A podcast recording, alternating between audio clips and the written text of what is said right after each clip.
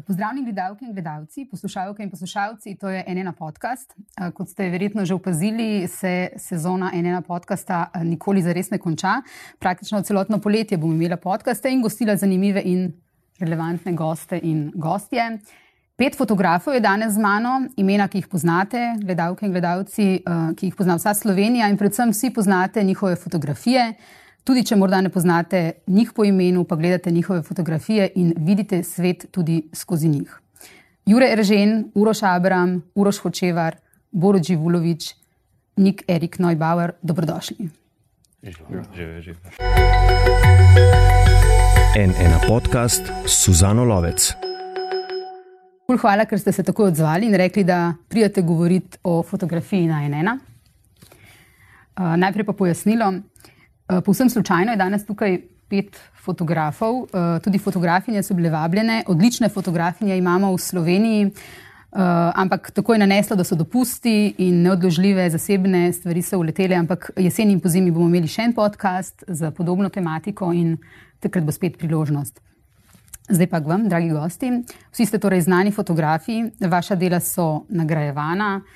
Eh, spoštovani ste, fotografije vaše vidimo v časopisih, revijah, v drugih medijih, tudi v knjigah in na razstavah v eminentnih institucijah. Eh, Borut Živulovič, tebe je vsa Slovenija spoznala, še tisti, ki te prej niso, ko si bil napaden v izgredih na protestih konec leta 2020, ko si upravljal svoje fotoreportersko delo. Zdaj, tip te je napadel, izgubil si zavest, razbita usnica, del brade, poškodovana čeljust operacija na stomatološki kliniki. Vsi se tega še dobro spomnimo, držali smo pesti zate. Um, vaše delo je včasih torej tudi nevarno in kako se ti spominjaš tega dogodka? Hmm. Jaz se v bistvu tega spomnim, tega, ker smo bili tako uh, izpostavljeni prote tem protestom.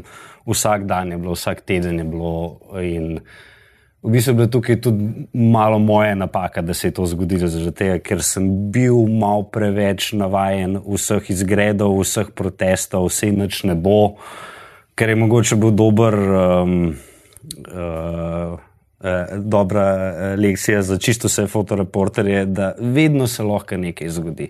Zdaj, jaz se spomnim tega dne, da se je začel tako, kot normalno, smo šli delati protest, se enoč ne bo. Uh, smo se začeli z metanjem flash, eh, z policaji, ki so grabili protestnike, eh, policaji, ki so nas porivali v en koridor, eh, na kar so bila jaz pa kolega Ljoša Kravanja na eni ulici, ne spomnim, spomnim se točno, kje ulica je bila to. Um, kjer so fotografirali glih en mehen konflikt med policaji in protestniki, ki so policaji uporabljali pepper spray. Uh, Uh, in pol so se obrnili stran, mi da so tam fotkala, na kar je ta človek skočil na me, me brcnil, me udaril. Eden od protestnikov, brcnil, udaril, sem zgubil zavest, preletel na tla in to je bila zadnja stvar, kar se v bistvu spomnim tistega večera. Mhm. Tako da zbudil sem se pol v, uh, na urgenci v Ljubljani. Mhm. A greš od takrat dalje, kdaj s smokom v ne. grlu? Ne, ne zaradi tega, ker v bistvu imel sem bolniško ene dva meseca od takrat, da se to vse normalno približno zacelilo. V bistvu ta prvi uh, dogodek, ki sem ga delal, direktno po, po dopustu, je, so bili uni izgre, ne izgredi, ampak uh, ki so praznili tovarno rog. Uh mhm. -huh. Tam je bilo pa tudi že kar, mislim, ni bilo nevarno za nas, ampak je bilo pa kar identično, kaj se je dogajalo na tistem dnevu na, uh, v centru Ljubljana. Tako da je bilo takoj nazaj v akcijo, da se v bistvu nek strah ne uh, zatrdi noter v meni, ampak je bilo uh, business as usual, delamo naprej, to je naša služba, ne moramo se temu izogibati. Takih zadev, take zadeve se dogajajo vsak dan po celem svetu, tako da moramo biti pripravljeni tudi na to. Mhm. Uroš, Uroš Abram, ti si diplomiral v Pragi na njihovi akademiji lepih umetnosti. Uh, kaj ti da praška šola?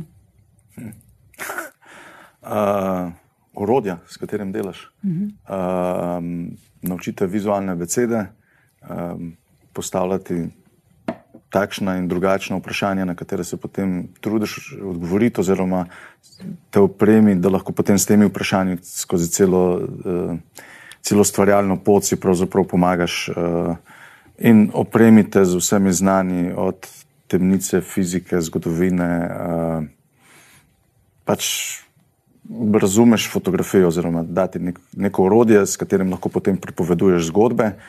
Potem je pa od vsakega posameznika odvisno, ali je zgodba zanimiva, ali je dober v tem pripovedovanju in tako naprej. Uh mhm. -huh. Si pa razstavljal že v uh, tudi Narodni galeriji, šlo je za te tvoje umetniške portrete, uh, kreativne portrete. Uh, kako so nastajali, oziroma uh, koliko je tvoja ideja, koliko pa to ideja portretirancev. Recimo, spomnimo se, ne vem, Katarina Stegna z odsekano glavo oziroma z odsekanimi glavami, uh, Urška Minard Zaubo, Klemen Janežič, ki zgleda kot izdalije slike. Uh, kako, je, kako so potekali, oziroma kako so nastajali? Ja, ta rubrika ima kar precej posebno, oziroma unikatno zgodbo tvorjenja, ker zelo izhajam nekako iz tega, da je to dialog. Če delamo portret, je to vedno uh, uporabljam podobo nekoga. Ne? Tudi pravimo, da nikoli ne vidimo fotografije, vedno vidimo motiv. In potem takem se provam s tem motivom uh, dogovoriti, mogoče uh, brainstormati, uh, kakšno idejo, kaj narediti na ta način, oziroma predvsem poslušati portretiranca. Uh, ker na ta način se izognem repeticiji, uh -huh. uh, na ta način se provodim izogniti potem tudi uh, temu, da bi projiciral svoj pogled na poklic, na, na, na tega posameznika.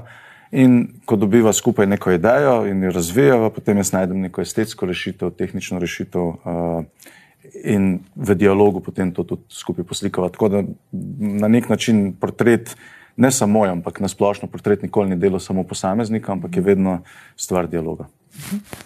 Juraj Ražin, ti si med drugim razstavljal v Cankarjevem domu, veliko, veliko si hodil po kriznih žariščih po svetu, še posebej veliko z novinarjem Uštjanom Videmškom v preteklosti. Objavljal si ne le v Sloveniji, ampak tudi v tujih medijih, Le Monde, Newsweek, Financial Times, Le Figaro. Um, ampak če grem na tisto obdobje kriznih žarišč pa vojn, kako je priti domov in imeti v glavi slike, v bistvu, ki so postale fotografije, ampak hkrati tudi slike, ki niso nikoli postale, postale fotografije, si jih pa ti videl. Hm. To je zdaj že tako delač, da se že malo, mislim, malo ne spomnim, oziroma seveda. V bistvu je tako, da zdaj večkrat rekel, jih nosim, ali pa bolj se zavedam, da jih nosim sabo, ali pa da sem jih prinesel nazaj iz teh vseh placev, kjer smo, kjer smo bili, kjer so bila, kar sem takrat v bistvu uh, jih imel naložene, ne, uh mhm. -huh. da, da sem jih videl, da sem jih čutil. Ne.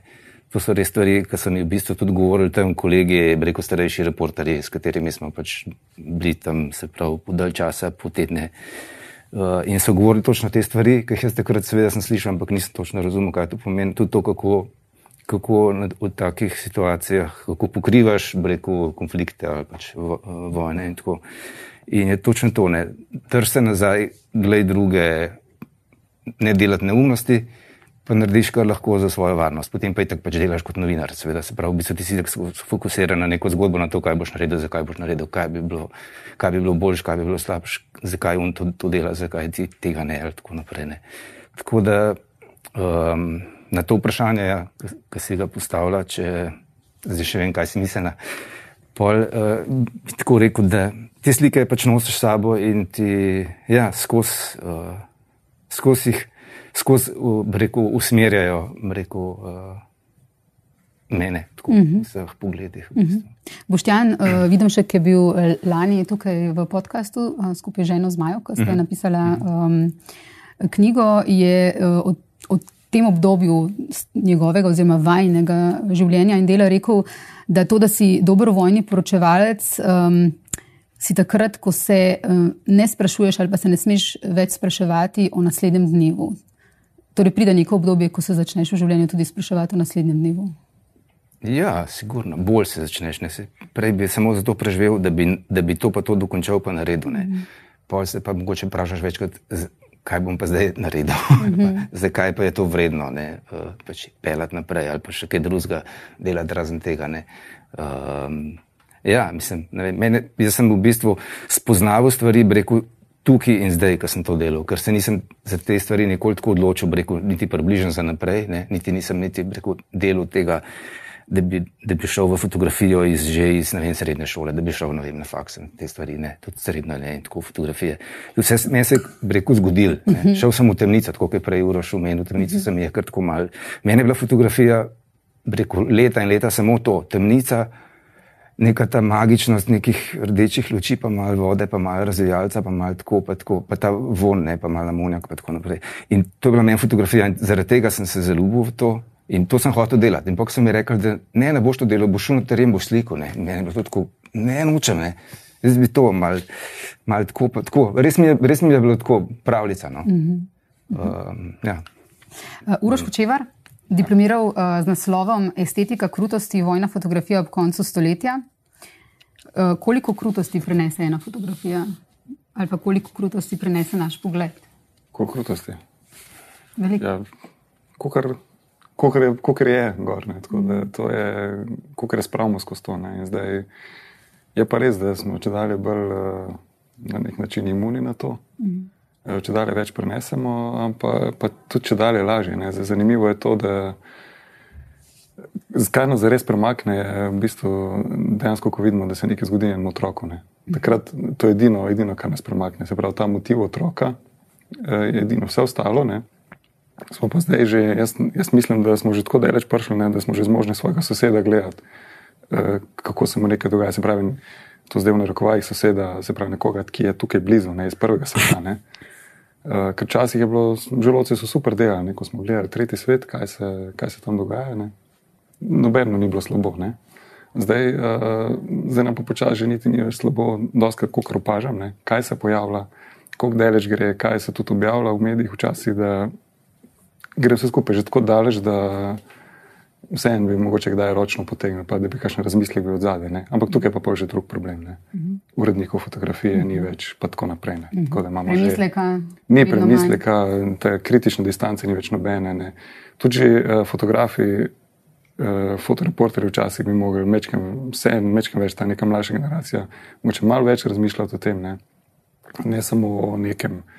Uh, kaj se naredi, ampak tudi kaj, kako, kak to, kaj, kaj to pravzaprav te neke implikacije naprej, ne?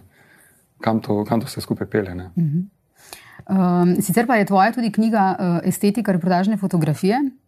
Um, kako se je razvijala reportažna fotografija? Ali je sedaj, recimo, uh, reportažna fotografija drugačna, kot je bila pred 50 leti? V bistvu se je zgodil tam nekje, kaj pa vem, 2-7 s pojavom, če rečemo, da s pojavom Facebooka, ne vem, kdaj mm -hmm. točno se je pojavil. Ne, uh, se, se je zgodilo nekaj najboljšega, kar se je lahko zgodilo, dokumentarni, pa reportažni fotografiji. Zdaj, mogoče se marsikdo ne bo z mano strinjal, ampak uh, tudi kot se je slikarstvo osvobodilo v momentu, ko, je, ko se je fotografija pojavila in je prevzela nas ta verizem. Ali pa to, kar Uro Šabno vedno reče, ta uh, forenzični del je fotografija prevzela, slikarstvo je potem lahko šlo v neko abstrakcijo, uh mhm. -huh. se je razvilo v neke abstraktne in je dejansko na nek način slikarstvo zaživelo, je precej več domišljije noter in tako naprej. Ne. Je, v fotografiji je pa, to, eh, je pa ta pojav eh, državljanskega novinarstva ali pa citizen journalism, ki je prevzel ta verizem, analogijo z realnostjo nas in se pravi, se to objavlja, vsi, ki imajo telefone, slikajo, objavljajo.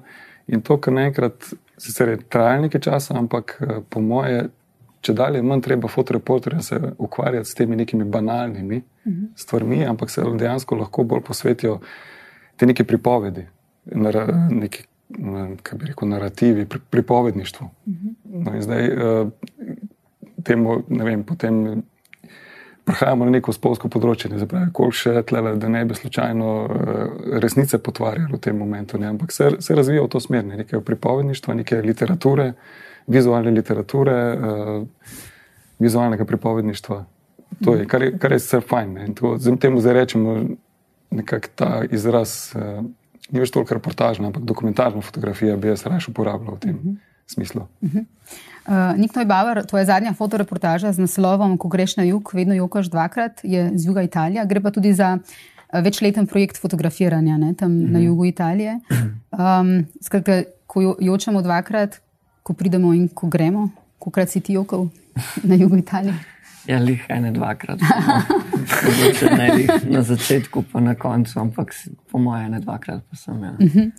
Uh, razstavljal si tudi že recimo v Muzeju novejše zgodovine. Lani si bil eden od zmagovalcev Belfast Photo Festivala, enega najpomembnejših festivalov za sodobno fotografijo. Um, za večer si v intervjuju rekel, uh, predvsem nočem s fotografijo nikoli nikogar prizadeti, čeprav to ni vedno mogoče. Si kdaj že koga prizadel s svojo fotografijo? Um, najbrž sem ga, ampak ne vem, ne vem, tako ne spomnim se, da bi mm -hmm. prav tako ne.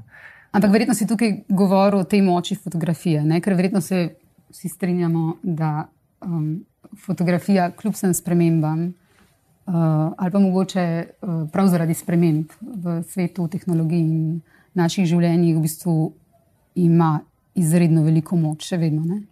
Ja, sigurno. Um, Meni se zdi, da ja, v tem, kar smo govorili, že, da pač je vedno več fotografij, vedno bolj so prisotne, ampak se mi zdi, da jih ima se fotografij, zaradi tega toliko bolj izstopijo tiste, ki so res močne. Ne? Nimamo jih mogoče toliko zelo veliko, ampak imajo pa te toliko večjo moč. In zato se mi zdi, da mi sploh še ustrajamo pri tem, kar delamo. Ker lahko bi rekel, da ima vsak fotoaparat, ima vsak telefon. Ampak lih tle se mi zdi, da nas to še zmeraj pelje naprej, da vedno iščemo tisto močno fotografijo, tisto, da v tem času, ko vsi hitimo in vsi scrollamo po Instagramih, um, vsaj nekoga lahko ustavimo za ne vem, pet sekund, eno minuto. To se mi zdi že zelo, zelo veliko, kar lahko dosežemo. Mhm. Um, in tudi, ko se sam vračam nazaj na svoje fotografije in podoživljam, sem vesel, če, če se lahko kdaj ostavim in rečem, da je bilo pa ok, ali pa tle sem nekaj dober začutil. Uh -huh. In na tej uh, res obilici, ogromni količini fotografij, ki je vsako leto proizvedena, odkar imamo pač tehnologijo, ki to omogoča vsakemu praktično. Ne? Uh, kaj se je spremenilo na boljše in kaj na slabše? Uh, nekaj si ti že rekel, uroš mogoče ti? Ja, jaz sem malo bolj uh, pesimističen kot moj kolega, kar se tiče tega. Uh, prva stvar, se strinjam to, kar je omenil uh, kolega Hočevar, da je več citizen žurnalizma, samo po sebi to ni nujno dobro. Uh, to vidimo tudi na protestih, kjer policisti ne ločijo več citizen žurnalista od profesionalnega fotografa, ki je tam po službeni dožnosti. Uh, in na nek način malo uvera naše delovanje. Recimo. Druga stran uh, tega sedežnega žurnalizma kot nek sociološki pojav, ki, se, uh, ki je posledica digitalne revolucije, je tudi happy slap. Torej, uh, ko nekoga snemamo, oziroma mulci so, mislim, da tam 2007-2008 začeli ravno. Uh, s tem, da je nekdo snimal, tri so pa hodili okrog po focne, na ključnim ljudem, kar je 2008 že rezultiralo v prvi smrti. Uh, Um, in potem mislim, da ni več evropske države, ki ne bi imela smrtnega primera. Tudi pri nas, mislim, da par let nazaj je bil pretep, ki je končal tragično za smrtjo, posnet in predvajan na Facebooku. Um, druga stran so neumni izzivi, ki jih postavlja, uh, ki si jih mladi grejo kot nek, zopet ta sociološki vidik tega. Tretja stvar, pa, ki, je, ki mislim, da je najbolj pereča, ki, ki bi jo tudi morali uh, dosti bolj efektivno nasloviti, je, ta inflacija, podobo, ki, ki si jo omenila, uh -huh. je prišla do te meje, da pravzaprav um, vsak dan naredimo okrog, uh, mislim, da zdaj že 5 milijard imidžov, to moramo nekje hraniti, to nekje objavimo. Če preračunamo, koliko uh, je poprečna fotografija velika in koliko rab en server, da, to, da nam ponuja 24 ur na dan, pridemo do vsaj ene nuklearke ali več energije na tem planetu, ki jo pravzaprav poganja uh, bolj kot ne naša nečimrnost. Tako da tukaj se mi zdi, da imamo tudi uh, kar nekaj se za pogovoriti, uh, kaj to povzroča. Um, in uh, sem malo bolj črnogled, kar se tega tiče. Ravno tako je ta kvantiteta fotografij, če jih imamo 5 milijard, pa če jih imamo milijardo ali pa 100 milijonov na dan, je to, če vsaka tisoča na internetu vrhunska, to pomeni, da imamo par vrhuncev na, sekund, na sekundo, kar pomeni, da dosti teži v tej v tem vseeno najdemo iglo. In zato ne vem, če dlih dobre fotografije pa dobro izstopijo, izstopajo, oziroma da, da so tukaj bolj na voljo ljudem, ker so zakopane v inflacijo slabih fotografij. Uh, in je zopet bolj, kdo te naprej porine, kje se pojaviš, so druge, so druge uh, platforme. Res pa je, da po drugi strani tudi uh, fotografi, uh, ki objavljajo, oziroma uredniki različnih agencij, uh, novačijo nove fotografe za svoje agencije in za svoje projekte prek Instagrama. Tako da uh -huh. se je tudi klasične poti, prek katerih so se do zdaj profilirali dobri fotografi in se razlikovali od, od uh, povprečnih lastnikov kamer, uh, je ta meja zdaj zabrisana za to, um, recimo, temu nesramno samo promocijo. Um, torej, ta množica uh, podob, ki jih uh, vsako, vsak dan proizvedemo, um, koliko dobrih podob vidimo, več dobrih podob ali, ali manj dobrih podob zaradi tega? Kaj mislite, vidva? Jaz mislim, da je glih tako enak, ni prav pretirano več, ker moš res, kot je uh, Uroš rekel, pač iglo v senu najdete. Uh -huh. Plus uh, s tem Instagramom pa to, uh, mislim, najdete nekaj res dobrega na Instagramu je zelo težko. Ne. Prideš na kakšne res dobre fotoreporterje, ampak to večinoma ali fotografije, ne vem kaj to so, ampak to so večinoma časa že uh, vzpostavljeni ljudje, ki že dolg časa fotografirajo, ki že dolg časa so nekako na tem. Mislim, zdaj nekje rado nekako zvezda pri nas, zdaj zadnje par let z njegovimi fotografijami, tako da oni mogoče pri nas en izmed teh igel, ki se je najdla v senu iz po dolgem časa, ne, neki ven je prišlo tako da. Uh, ampak nasplošno pa mislim, da je fotografije so dobre od kakšnih ljudi, pridejo dobre ven, ampak jih najdete pa uporabljati, še posebej v takem mehkem medijskem prostoru, ki ga imamo mi, je zelo težko. Ne? Zaradi tega, ker pri nas je uh, Slovenija enostavno tako mehna, tako da nekako se najdete nekaj res dobrega ven iz tega, uh, pa nekako promovirati to, da boš ti lahko preživel s to fotografijo, je še toliko težje, kot ne, nekje z drugimi večjo populacijo. Ne? Da ti res lahko uh, preživiš samo in izključno z delanjem fotografije ali pa fotoknjig, pa to moraš res biti izjemen z temi fotkami. Ne? Tako da, Uh, Nik, tako kot je rekel, ne, ti si uh, krajna zvezda med mlajšimi slovenskimi fotografi. Ja, uh, si pa rekel ne, v intervjuju za večer, med epidemijo sem fural tudi volt in razvažal rastline. In če sem iskren, me je to, kako poteka delo dostavljavca, tudi zelo zanimalo. Torej, da hodiš od vrat do vrat, opazuješ izraze ljudi.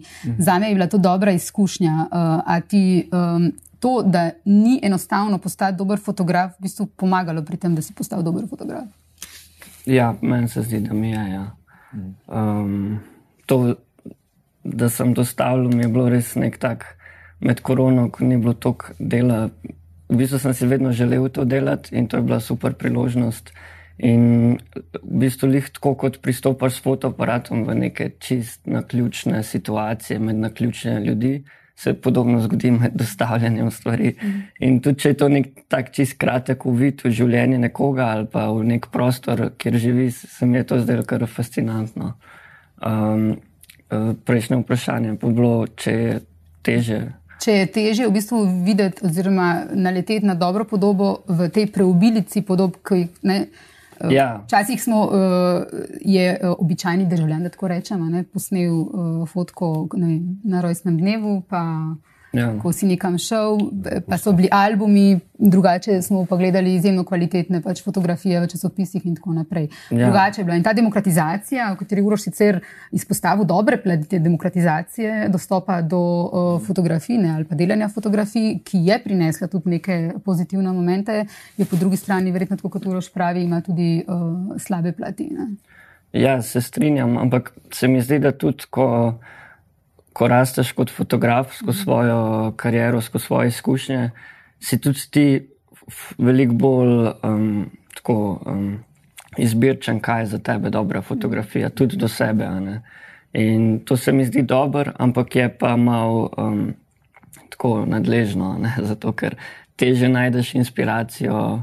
Um, in potem te mogoče res neke malo drugačni pristopi, malo bolj sveži, mogoče tudi od nekih mlajših fotografov ali pa čist nekih drugih umetnikov celo navdihujejo za tvoje delo. Tako da vse ima svoj plus in minus. ne. In se mi zdi, da to, da se moraš včasih potruditi, da najdeš neke stvari, ki te inspirirajo, ni nujno vedno slabo.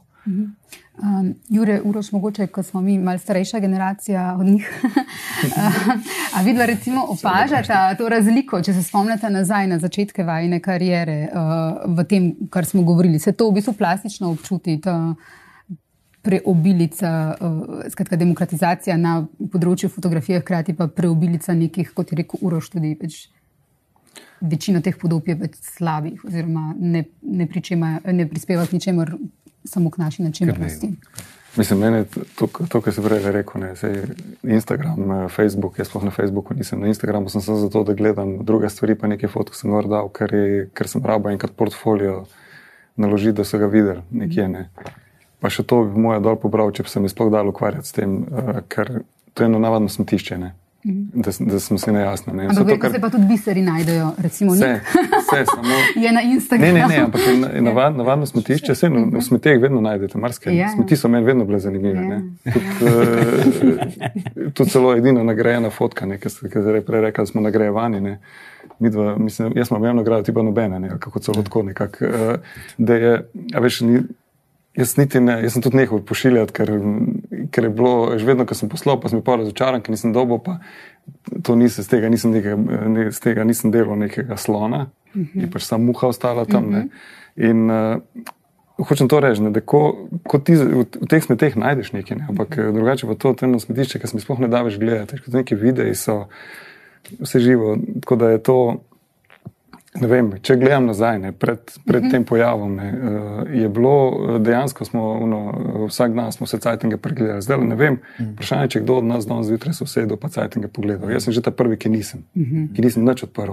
Ampak sem doma užival z svojo hčerjo, pa eno prijateljico imel na obisku in smo imeli zajtrk dolg. In to, in sploh ni na pamet padlo, da bom karkoli pogledal. Ne. Zaradi smetišča. Uh, mislim, ne vem, tudi, tudi ko grem gledat uh, recimo, časopise, to, kar smo, smo se prej pogovarjali, ko sem prej rekel, ne, problem je v tem, ker nimajo urednikov in potem pride tudi, kaj objavijo gor na, na spletnih straneh, bi mogli ful več delati na tem, se pravi, ful več razmisleka bi moglo biti tudi zadaj nekdo, ki je uh, usposobljen za to, se pravi, da, da to ponudi. Edino tako lahko na nek način vse poskušaš vzgajati uh, javnost. Ne. Mm -hmm. Ta javni prostor, ki sicer je nekam zginil, ne, mm -hmm. se je nekje zgubil v nekem tem uh, medmrežju, je še vedno, se mi zdi, da se da vsaj teh nekih par uh, ljudi vzgojiti, ne, se pravi, teh par igrc uh, najti noter. ne. Uh, da bi pa zdaj rekel, ja. Je nekaj dobrega prenesel, -huh. je pa dejansko je to, tako kot vsaka stvar, vsaka dobra stvar ima tisto svoje temno platne. In, uh, je to, to problem. Ne. Tudi recimo to, kar se je zgodilo, če, prost, če mi dovoliš. Uh, ko, so, ko sem prej rekel, kaj vse prenese javnost. Ne. Recimo, ko so Gaddafija uh, ujeli v Libiji, pa ubili, ne, so določeni etablirani cajtangi iz tistega videa, ki je v bistvu selfie unih, ki so eh, tistih. Uh, Kako ne rečem, Se ga najde. ko se ga tega. najde, tiste skupine. ne, on Tisti video, ki so ga posneli, je popolnoma negledljiv. Ne. Uh, vzeli iz tega ven so zrezali ven eh, still, still frame ne, in Gaddafi je tako v obraz. ne. To, to je recimo nekaj, kar ne narediš, kar, kar se prej, ne, kar prej sploh ni bilo to. Etično, moralno, ja, etično, moralno, ono, staro, breko pravo, Ja. tega ni, Ne glede, ni na to, kupilo, ne. ne glede na to, kdo je on. Na Ko so, Bin Ladna, ko so Bin Ladna ubili, je ameriška javnost zahtevala tisto fotko, ne vem, Ja. yeah. prestreljene glave, ki pa je, da mu je pol obraza falil. Ne. Zakaj? Zakaj bi sploh to rabili? takrat je ameriška administracija super naredila, tega ni dala v javnost. Smešno je bilo s tistim DNK analizo, bomo potrdili, pa tako naprej. Ne? Ampak ameriška javnost je bila jezna, ker enostavno oni so takrat pekli zrezke, ker se po noč to dogajalo, ne? in so, ker je bil pač pri njih še 1. maj, tam pa 2. maj ali nekaj takega. In uh, so, so bili jezni, ker so kar naenkrat vislice, so jim, od, kako rečem, odrekli so jim pravico, pravico do pogleda, Ja, ja, pravico, ja. pravico do pogleda na vislice oziroma ogleda uh, javnega, javne smrtitve. ne. Skratka, če, če ni fotke, it didn't happen. Šli smo nazaj v Ni koliko, užitka 17. tega. 18. Ni stoletje, filanja, ko je to še satisfaction, bilo satisfaction, javna, ja. javna Toliko usmrtitev. pokvar- nekaj toliko smo že- normalnega. Zabava. Ja. Tako smo že tle, ne? da, da rabimo točno to. Tist, ki, Točno to. Se veš, kaj to pomeni, če nekoga obesijo. Mislim, ne, se smo že videli, prebrali, ne vem kaj. Ampak ja. ne, daj mi, daj mi ta moment, ki bi rekel, ne, to, to je tako, kot ti ne, ne smeš tam pogledati, ali pa to so tega ne bomo kazali. Tega, Včasih si to sprejel tako nekako, se, ja, se veš, kaj to pomeni. To je pač tak neko, nek pojem in tako neka, neke stvari, ki ni treba, da vidiš, pa veš. Ne. Se, to, se v tem, rekel, mi, ki smo se pravi fotografi, ki kreiramo slike, imidže oziroma nekaj, od- nekaj odzemamo, nekaj dodajamo. Itak je fotka emocija, ne, oziroma čustvo, vse ostalo je trik, kot je rekel Christopher Anderson, pa še kakšen napad. Ampak točno to ne. Vse kaj ti, ko ti prebereš za nekoga beseda, pa če ga vidiš, mislim, zakaj nekje čutiš neko zadovoljstvo, nekje pa samo ne je neko dejstvo, ki se je zgodilo. Mislim, to, je, to je res stvar, reko tistega, ki to bere, gleda, ne tistega, kaj se je tam zares zgodilo. to- No, ampak to se je dogajalo tudi v, mislim, ko se Ne, reče, saj- teh generacij. taki ne. s- V časopise, če se spomniš, ja, itak. je bilo, ja, se je napisano v tekstu, kje imaš pa fotko. ne. Ja, tekst, je, tekst ima neko svojo. Nekaj eh, se da s tekstom povedati drugače, kot se da vizualno drugačna. ne. In je to, se, se ne da vseh stvari, mislim, ne moreš ti vse spraviti. In doskrat je bilo neko to nerazumevanje tudi strani urednikov, uh, govorimo za nazaj že, ne, da niso razumeli to, da pač enostavno na drugačen način se to pripoveduje. Ne. Da slika pripoveduje na drugačen Na način. druga, mislim, na drugačen način, ta vizualna More, pripoved je ja, drugače poteka. ne. drugače, ja. Je pa se tudi ta prva stvar, ki jo vidiš. Takoj, Ja, ja, kot prejš tajten papir. Ne? Tudi to. Ja, se tudi, lahko je tudi bereš, da mislim, lahko, ja, se strinjam totalno. Ne. Fotka pač te, te zadane, ne. tekst pač moraš prebrati, tudi če je kratek ali pa nekaj. Ampak fotko lahko tudi pol bereš, bi rekel, drugič, tretjič. v globi. Če je dobra. Točno to, ne. vidiš, aha, zaradi to, ki ti zgor dol, to, to je pač, rekel, itak skladba, kompozicija, ne vem, ne, ima to, ima tist, vsebuje ali pa ne vsebuje. Ali ti, ali ti, ali te toliko potegne, da vidiš, da je, še, da je še drugi, tretji korak, četrti, pa kaj to pomeni, ne samo kaj ti vidiš, zato ker to, kaj mi vidimo, ne, je nekaj drugega, kot kaj mi začutimo potem. To je seveda proces, ki ga človek, njegove sposobnosti, njegove izkušnje, rekel, pogojujejo to, da ti to peleš naprej in uh, rekel, spravljaš. Aha, to je to, to je to, to je za to, pa kdo, kje je pa tisti, ki je, vem, za, kdo je pa kriv za to, kdo, kdo je pa zaslužen za to, kaj bo pa zdaj jutri zaradi tega, pa tako naprej. Ne. Uh, katera je pa recimo fotka, to, kar si zdaj opisal, to, kar ti dobra fotografija naredi? Ne? Ja. Um, imate vsak eno mogoče, če lahko piše, ko je vam osebno fotka na zadnje, ni treba, da je na zadnje, ko se spomnite, naredila to, kar naj bi dobra fotografija naredila. Jaz mislim, da predvsem ni to dobra fotka v smislu, katera fotka, kaj je motiv, ampak mi se zdaj pogovarjamo um, o tem, kako razumeti fotografijo. Fotografija ni namenjena razumeti, tako kot, tako kot glasba ni namenjena razumevanju. Glasba je namenjena temu, da se pleše. In to je osnovni, osnovno gonilo, kako ti potem plešeš na to, če uporabim to analogijo, na to fotografijo. Ne? Lahko tudi to sedene. Ja, ja, Ja. ja. sploh, mislim, ja. ampak kaj ti začutiš ob tem? Uh, tudi fotografije z- z- so zelo fajne študije narejene o tem, da, da v bistvu glih, ravno v medijih, da se mi odločimo na podlagi fotografije, v tekstu iščemo alibi za našo odločitev. ne. Uh, tako da je pravzaprav bolj pomembno, zaradi tega jaz podarjam to vizualno abecedo, ki ni forenzična abeceda, kdo je bil, kdaj je bilo. To recimo zelo pogosto, zato so uredniki fotografije pomembni, ker zelo pogosto novinari so navajeni tega miselnega procesa, kje je bilo, kdaj je bilo, katere podatke bomo dali javnosti. Ja. Urednik fotografije bo pa mogoče iz nekega protesta, namesto da bo pokazal množico, ob, zraven še uro in napise, kaj se je dogajalo, dal samo en izraz iz tega protesta, Ali ki pa- bo bil dosti bolj uh, Ponazoril, kaj se je dogajalo Ali pa tako kot je Nik, recimo, ki je fotografiral plakate na protestih tudi z druge strani, tam, kjer se vidi selotej. Ja. Ja, sem problem je to, da urednik tega ne bo naredil. a Ne, ne bo, mislim, redko bojo izpostavili nek Ne za moment. ampak za kaj drugega. Ja. Ja, dobro, kakšen projekt. Zato pač pa neka- tudi se mi zdi, da se dokumentarna fotografija iz časopisov v galerije in drugačne prostore premika, kar pač. Sedi. Je prav. A ima kdo od vas neko fotko, ki vas je recimo v življenju zaznamovala, pa da rečete tako, vedno znova se v, v glavi vračam k njej? A ima kdo od vas? Jaz sem recimo eno tako fotografijo v pisarni, sem jo že iz prejšnje službe prenesla, to je bila fotografija, fotografija ki so mi jo dali, um, eh, ko, sem, ko so nam ukinili oddajo. Na PPV-ju. um, ja, je fotografija v bistvu eh, množice, eh, begunske množice, um, dež pada, črno-bela fotografija je.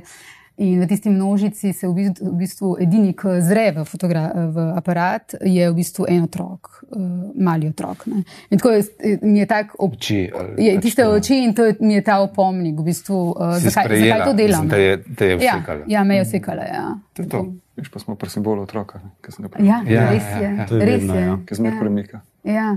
Skratka, da, ti si prej rekel, ne, da v bistvu tisto, na kar te znamo, je samo še otrok, ne, da druge, druge Ja. stvari nas manj se dotaknejo.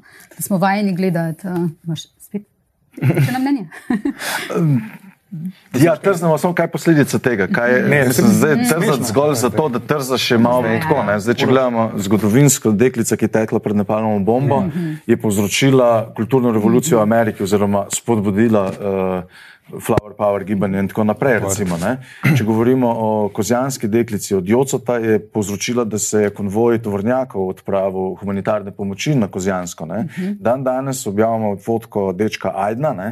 Uh, pač ne trznemo. Ne? Mm. Smo pa popolnoma razburjeni, če bi slučajno zraven tega dečka videli uh, nago dojko ali pa mm -hmm. kaj podobnega. Ne, ne jaz sem jaz nekaj drugega, imel mislil, da sem recimo metal Alan Kurdi, nekaj so ga najdli na obali v Turčiji. Ne? Takrat, recimo, ko se gori v begunsko krizo omenila, takrat se šele premaknili, da so vse, a se res? A se?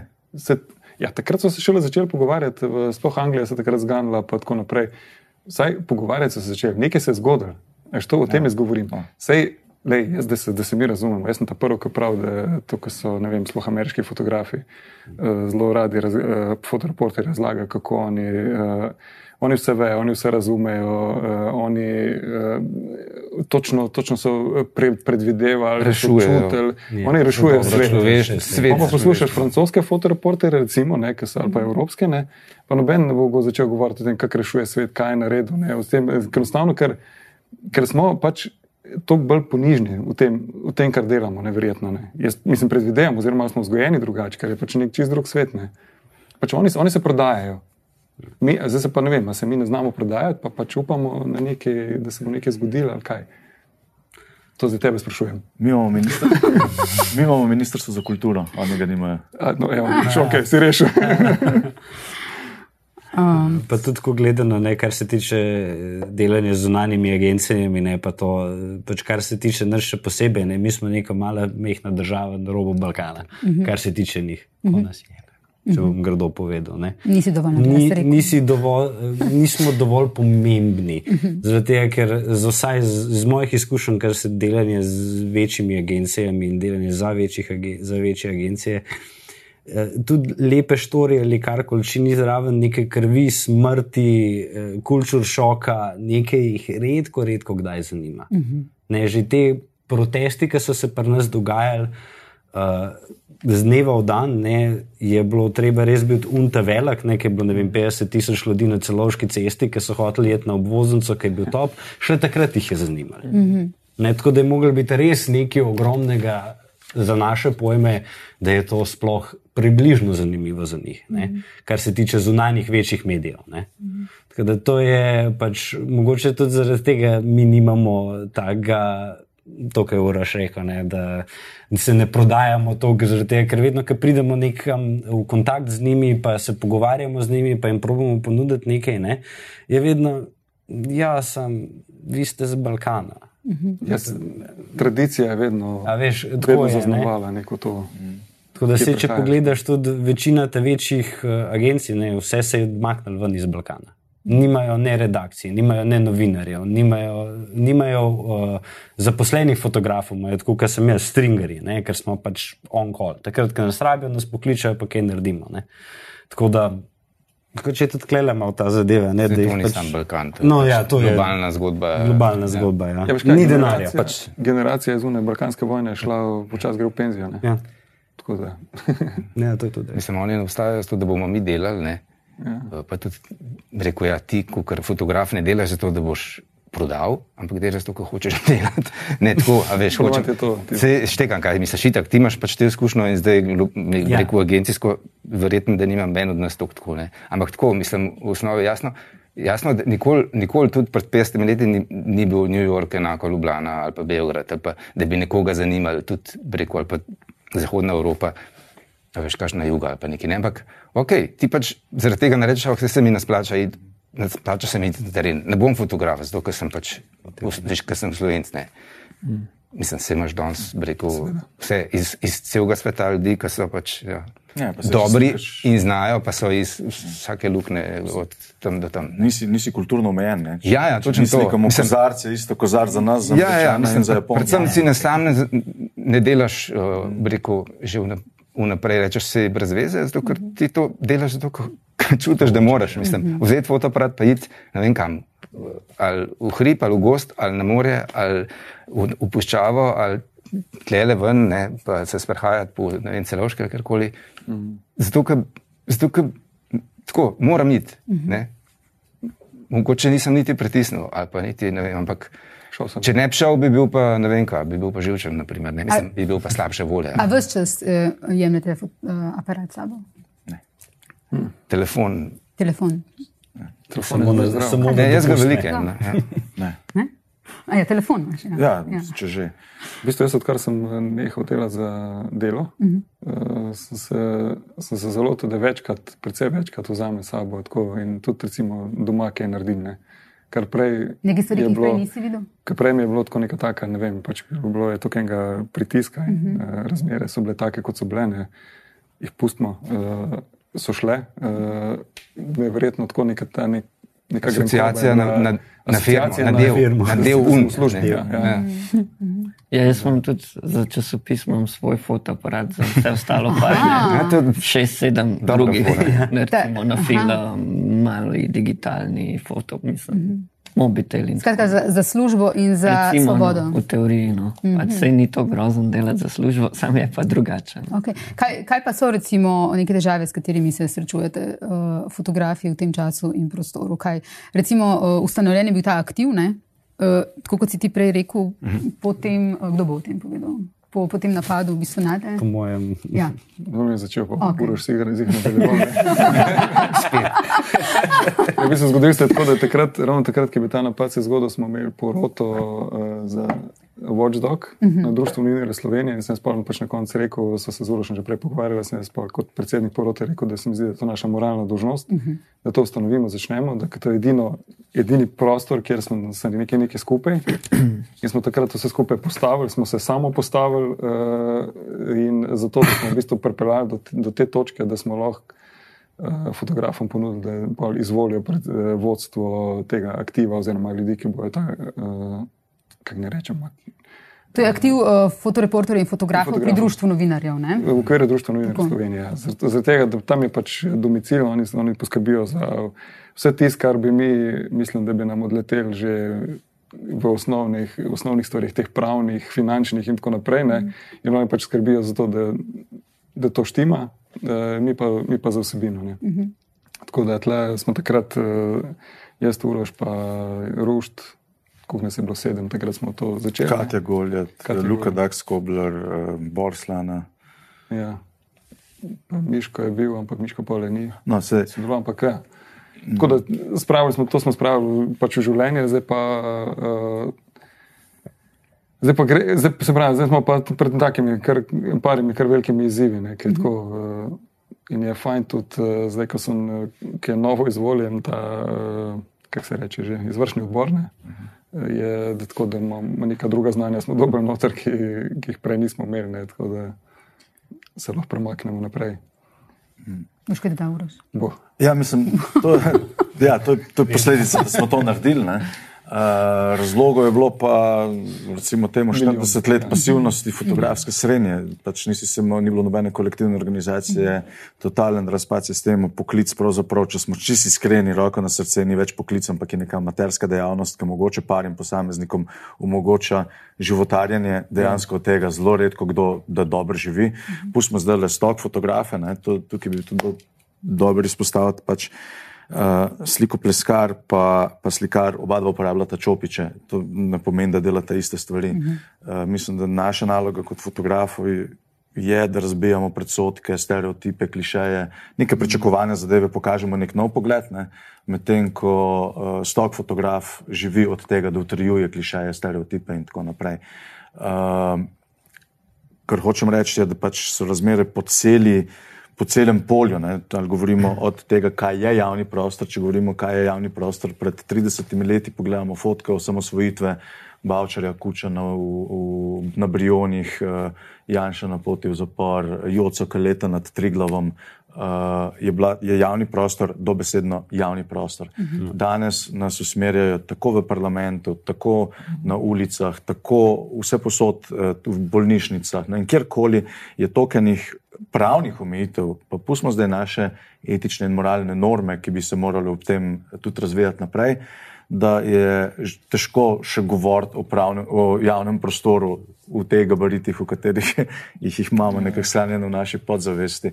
Uh, razvrednotilo se je popolnoma cena same fotografije, delovanje fotoreporterja, ki dobi uh, granitno kocko v Lobanjo, ki je faše, sozivc in tako naprej. Uh, delo represivnih organov se je v zadnjih parih letih izrazito.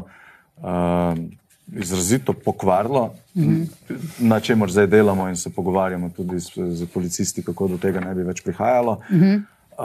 um, da v bistvu ni več, ni več poklica fotografa. Tone Stojko, ne, ki je legenda med fotografi in je desetletja fotografiral proteste, je v bistvu prvič doživel suzivc uh, Ja. v taki obliki v obraz, torej zdaj, ne, Ker- na koncu svoje kariere ob protestih tle v Ljubljani. Ne. Mislim, da težko rečejo, da ga niso, kot prvo.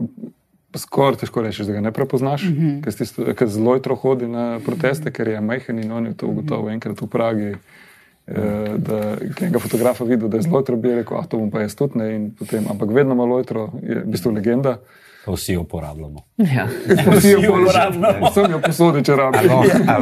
To ne, lahko sem za jo. Ja, okay. Tako da, uh, in pol ne more reči, da je za vso tisto opremo, da ga niso prepoznali. Ne, in da je, po mojem šlo za. Mislim, direktno- to je, Ampak, čeprav policija trdi, da v tistem oni niso mogli prepoznati, ne, mi, smo trd, mi smo pa nazaj trdili, da pol ne znajo svojega dela upravljati. Ampak, Naše vprašanje je bilo samo, kaj se je spremenilo v zadnjih Ja. ja. parih letih, ja. da so lahko 50 let prepoznavali fotografe, uh, nam omogočali našo državljansko odgovornost, ker mi tudi tam nismo zaradi tega, da Javni slikamo. Ja. ampak ker smo po službeni dožnosti, ker smo v končni fazi, ne sem po službeni, tudi za zgodovino, kakšne fotografije bi pa bile, če bi imeli samo nadzorne kamere.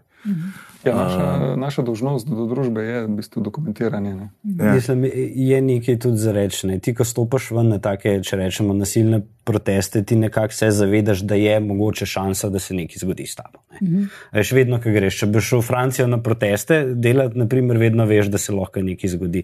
Pri nas je to seveda malo bolj milo, ne? ni lahko dobiš pepper spray, kakšno flaše letijo in tako naprej. Ne? Pač sprejmeš to, jaz se strinjam, da to se ne sme dogajati, ne? da pepper sprayejo nas, ki delamo to, ampak moraš pa tudi sprejeti to, da ko si ti v množici ljudi, ko slikaš in ne vem kaj. In če se en policaj odloči, ok, zdaj pa dos pa pospreja, pa fašeš, ne, nekako sprejmeš to, da pač si bil in the line of fire. Ne. Zdaj to ni prav, da nas, nas uh, sprejejo, ampak se pa lahko zgodi, mislim, se tudi tebi zgodil, ne, na tem prelevu. Ne. Ja, tle, ja. Ja. Mis- Mislim, da vseh pet tle zelo dobro pozna okus pepper splash. Ja, ja, no, to- tudi noben ni tuj. Ja.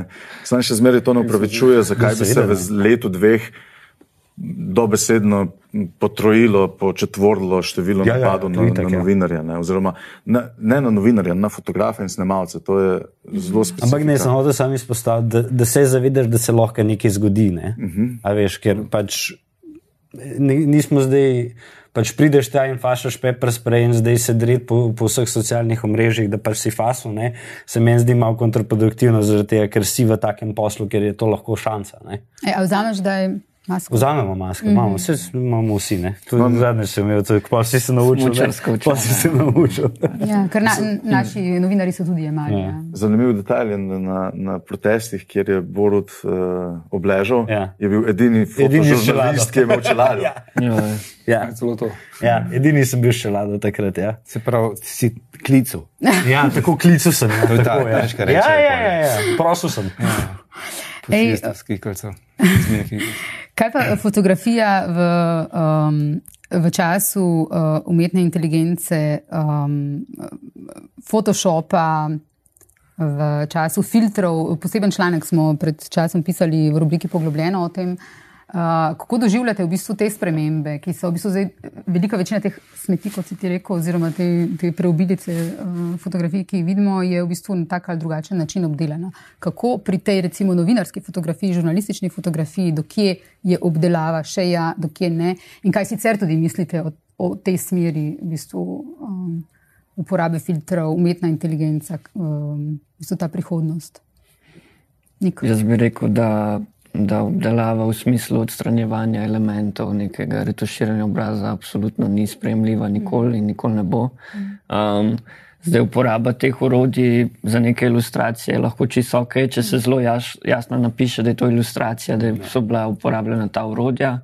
In v tem smislu se mi to ne zdi nič slabega. Tako kot smo imeli že toliko enih revolucij skozi čas fotografije, je to še neka stopnja, ki bo mogoče zelo vplivala, mogoče malo manj.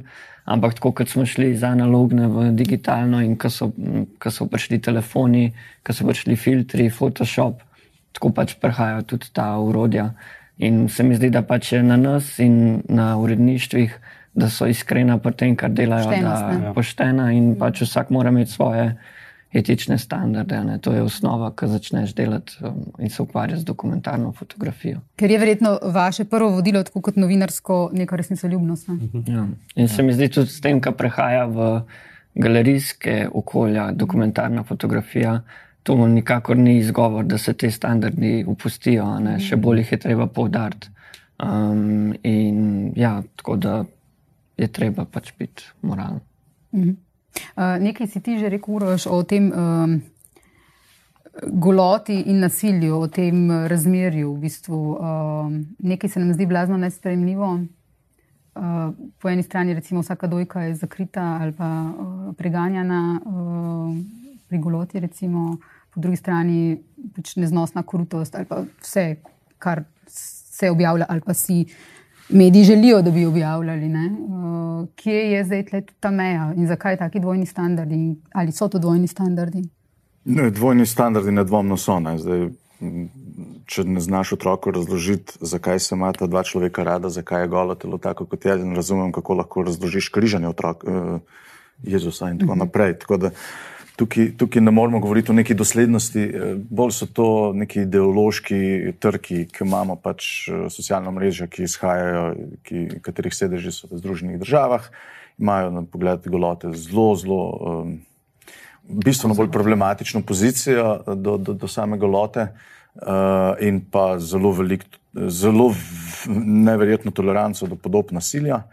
Uh, v končni fazi vse te podobe, m, na debato, ki smo jo že prej imeli, ne, sem se spomnil citata iz uh, uh, Hotel Ruande, kjer grejo sn- snemalci domov, ko posnamejo vse te masakre in prav lastnik hotela odlično, da boste nesli te posnetke v svet, uh, na kar mu snemalec odgovori, ja, ljudje bodo pojedli večerjo, ugasnili televizor in šli spat. Mm -hmm. Torej, postali smo, mislim, podobe nimajo več te. Uh, te, tega aktivističnega, tega, da bi pognali.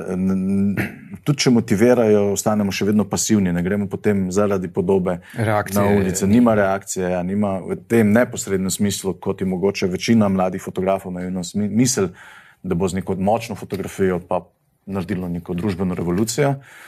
Um, kar se pa golote tiče, smo pa tudi v bistvu ravno s tem, ko, ko, ko se moramo, ko moramo v bistvu čuvati na vsak moment, na vse, kar pokažemo, v bistvu nam potem tudi vse, kar uide skozi. Ne? Torej, ko pa končno vidimo nek nipel, pa je predmet popolnega poželenja, kar je tudi absurdno. ne. Pač, Dokler je svoboden na nudistični plaži, verjetno noben ne pomisli teh misli, zaradi tega, ker je vse na voljo. No, pač, tisto, kar, kar, kar nas motivira, je tisto, kar je prepovedano. Ne. Tako da iz tega vidika mislim, da to, je- to je en vidik, ne. drug vidik seveda vsega tega je pa tudi uh, današnji čas. Smo, smo bistveno bolj senzibilna družba, bistveno bolj politično korektni. Zgodovinsko gledano, večinoma akt fotografije so bili motivi ženske, bili so v podrejenem položaju. Um, vprašanje, kaj se, kaj se vse je dogajalo, vse dogaja in tako naprej. In tudi pri sami reprezentaciji, roko na srce, ko se pogovarjamo o aktih, se ne pogovarjamo o moških aktih, mm -hmm. se ne pogovarjamo o, o homoseksualcih, mi se pogovarjamo izključno o ženskem telesu. Predvsem o beli mladi ženski. Uh, in, in iz tega vidika, seveda, je tudi sama ta reprezentacija zelo pogosto potencira nek, nek um, recimo temu, um, nek spolni predsodek. No? Da ne bom izrazil šovinizma, no? ampak. Uh, Sam format, recimo moški so skozi zgodovino bolj kot likovne umetnosti upodobljeni stoje, so pokončni, klicaji, medtem ko ženske so vedno, tudi če stojijo, leže, eh, je format ležeči, ne? uh, torej daje neko pasivnost in tako naprej. Um, tako da tukaj, tukaj je um, se mi zdi tako, ja, zelo, zelo velika diskrepanca. Čemu pa pripisujete to, kar je Uroš prej razlagal, da v bistvu je včasih uh, na neko fotografijo imela neko moč ali pa je družba, družbo pognala neka fotografija v eh, resnične spremembe, to, da smo ne samo bili zgro, zgroženi, ampak da se je tudi nekaj zgodilo, da pa je tega zdaj, čeprav tebe razumem, manj. Ki- kje recimo. Ne, šk- Škrat je bilo glih na pamet, deklica. Uh -huh. uh, Omenjena prej, ne. takrat je bila družbena klima že pripravljena uh -huh. na to, to je bil sam še tisti povod. Uh -huh. Tako kot smo mi, je to bil povod, eh, da so Borutu, Boruta napadali, je bil to povod, da smo mi, da smo mi ustanovili, pa da smo se povezali. To so pač te gavri- gavrili principi, ki, ki naredijo nekaj, eh, nek moment, ne, da sprožijo to. Ne. Se pravi, mora vsa klima biti prej, eh, sama fotka ne bi nič naredila. Ne. Ampak eh, klima, če je vzpostavljena, je tako. Tako kot recimo, če gremo zdaj na aretacijo Jana Janša, ne, smo se glih zanj pogovarjali. Ne. Eh, Fotka, ki je tudi to nestojko rekel, da je, prav, je čiza nič fotka, ampak je rekel, je pa priš- prišla takrat v tisto družbeno klimo, padla je. In je tja, dokument mora. tistega časa, tistega Ja. trenutka. ne? Tistega trenutka, ki je takrat v bistvu sprožila, da, se, da, je, v bistvu, da, se, da je javnost rekla, da v bistvu gre za res. Uh Mhm. -huh. Se res, se, nekaj se bo zgodilo, ampak še to, šele takrat, ko je to televizija, kar je bilo takrat nezaslišano, televizija uh, Ljubljana no, uh, takrat objavila to fotografijo. Ne. Pa ni to dokument, ampak je bolj simbol. Simbol, ja, ja, ja, Simbol. Ja, ja. In to, in to, recimo, zdaj to so te neke, te neke momenti, nikoli se ne more zgoditi neka sprememba samo zaradi ene fotografije, enega posnetka, ampak mora, Mora biti že prej. klima se mora že prej oblikovati. Ne. Zdaj pa tega javnega prostora ni in se ta klima dejansko nima kje oblikovati. Teh medijatorjev je cel kup in smo zgubljeni med tem. Ne. V bistvu vsak objavlja svoj, uh, vsak dela svoj časopis, uh, če temu v narekovajih, uh, noben pa noben ga ne bere tudi svojega ne prebere. Se pravi, gremo v čisto atomizacijo družbe, ki bo vsak sam in noben, mislim, jaz ne bom Zapiramo pogledal, se kaj je Uroš naredil, ne bom pogledal, kaj je Jure naredil. Simbolično, rekel, se zapiramo vase Ja. ja. in potem pol, vsak posameznik, pa, Ja. ja. pa manjša družba, več širša družba. Ampak vam pa ne pridemo, se ni, se ni Ne, potrebe. se ni- ja. Ne, saj imamo tako vemo, da je brez veze. vemo, da je Ja, brez ja. veze. Ja. In ta zginjene družbe, bi se to zanimivo, da je Jurgen Habermas že v svojem doktoratu leta mislim, 76, ne, ne bom mladen dolar mogoče popravil, ampak eh, mislim, da je tako, da je takrat napisal že to zginjenje, on je že pisal o tem zginjenju javnega prostora leta 76. Tako da A se kdaj zgodi, da, um, da ob nekih dogodkih, recimo, da se med sabo pogovarjate, tle so pa šli uredniki čez mejo, ali pa to pa ne bi smeli? Ali je to neki, ta- meja, ne, ki se jo ne prestopa, ali pa po kateri se hodi, pa se jo kdaj prestopa, a vas bode vsakič, vas kot fotografe, govorim za fotografijo, ne za ured, uh, besedilni del um, medija. Prvi, prvi problem pri tem vprašanju je, da se ne moramo pritoževati nad izborom urednikov, ker jih urednikov ni. Ne, Torej, novinari izbirajo fotke. Ja, zelo velikrat je problem. Po, po mojem. no. Ja, potem te odgovorni uredniki pa itak, uh, ja, tako smo se odločili. A pa recimo je bilo tudi primerne, zvečer pridem na redakcijo, bilo mi je rečeno, zbereš fotko, ki si jo posnel, gre na zadnjo stran, ti določiš, ko bo postavljeno, greš domov. In, in vse pogledam, prijem naslednji dan, pa mi reče, tak je bil dnevni urednik, ne reče, ja, meni bo tista bolj všeč. Mi je vam vrgo in drugo dal. Ne. In se ti lahko, in se ti lahko slika in pa čakaj malo. O čem ti govoriš? Dodal sem samo zato, da ne bom jutri rabo, ker, bom, ker grem že zjutraj naprej, ne, da ne bom rabo se še s temi fotkami ukvarjati, da sem, jih- sem jih zdaj že zdal. Ja, ampak kuna je bilo boljša. Po čem je bilo boljša? Mislim, jaz sem dosta na novo v časopisni fotografiji, recimo. Tako da niti ne vem, kako je bilo včasih, ampak kot jaz opažam, jaz nimam nobenega nadzora nad tem, kaj bo objavljeno, pa kako, pa celo v kakšnem formatu bo objavljeno. Ali lahko kakšno svojo željo, da je rekel, podaš. Ja. Ne, zato, pa zato bi bilo ful dobro, da ta, kar je bilo tam. Ja, te- lahko. Imaš komu to reči ali pa te kdo posluša? Lahko, ampak tudi iskreno nimam toliko te motivacije, ker se to vedno nekje zgubi vmes. ali Pa, Pa pol niti na ne greš koncu več fizično tako. tja, pa to neverjetno. Ja, ne, to ne. Tako pošljaš slike. pa To, To ne, ampak Včasih tako smo imeli Se Ja, se enostavno stik, Ja. ali pa smo delali in želel bolj nekega ga videl in si ekipnega dela, rekel, no, sam. So pa tudi res včasih take teme, ki pač so tako zakotne, da res težko tudi narediš dobro fotko ali pa doskrat ne dobiš nobenega feedbacka na tvoje delo, ali narediš dobro ali slabo. Uh -huh. In se mi zdi, da tle se motivacija malo zgublja. No. Sam to je normalno, to je bilo od nekdaj, tudi ja. v tistih naših romantičnih časih, ko smo, se, ko smo en teden postavljali v reviji neko reportažo, pa se petkrat skregali, pa, pa smo šli spet nazaj, pa pol na koncu je pač neka odločitev mogla pasti, nekaj pa prišel, recimo, sem delal še v Danilu Slivniku. Ne, tako ta, ta bo, tak bo. In pol je on to določil, in je bilo to. Ampak eh, je pa tudi bilo, se spomnim, da sem prej rekel, ne, mi je vedno uh, dizajner rekel, uh, oziroma ta grafični oblikovalec, je rekel, da je naredil fotko, da sem mu lahko pasel po njej. ne. In, Aha, pasal po njej. da sem mu pasel po njej. In to mi je meni bilo vedno tisto, da smo pasli, se pravi, da se res dogaja. Je Bilo res tisto, uh, res tisto, kar čas mi je. To mi je vedno bilo, da sem bom pasel, ne, uh, po njej lahko ne. Jaz bi še na to, ker, ker, smo, ker ste se prej pogovarjali o, um, o urednikih in o teh uh, usodnih fotkah, ki spremenijo. Uh -huh. Zelo pomembno, odlih iz tega vidika je zelo pomembno imeti urednika fotografije, ki v bistvu vidi širšo sliko in vidi, katera podoba bo zdaj nagovorila občinstvo in, in dejansko jih naredila, da plešejo. Ker dekli, ravno primer deklice, ki teče pred Nepalom bombo, je bila posledično tukaj efektivno ravno zaradi uporabe, kako so uredniki se odločili, da jo bodo uporabili. Mm -hmm. Sam fotograf sploh ni te fotke dal v prvi rundi naprej. Tudi on sam ni prepoznal, uh, kaj pravzaprav je povslikal. In je šele v drugi rundi zaokrožila svet, in takrat so uredniki pokazali, zakaj je funkcija urednika pomembna.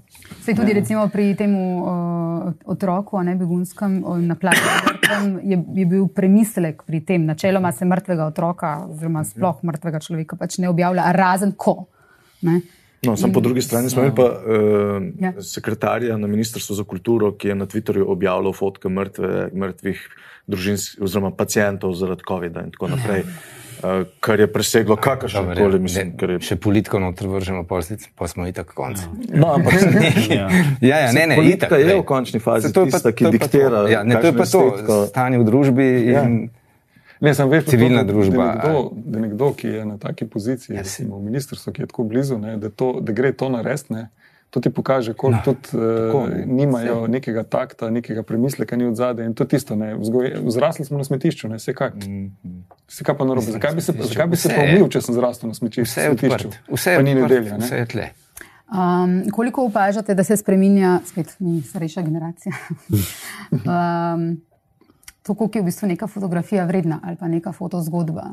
Um, pred leti, ko smo imeli na PopTV še to oddajo uh, Epilog, ki sem jo prej omenila, um, smo med drugim gostili Maja Sodja, je z njim naredila z Jamesom Nachtwayem um, uh, en daljši intervju, ko je bil tukaj v Sloveniji.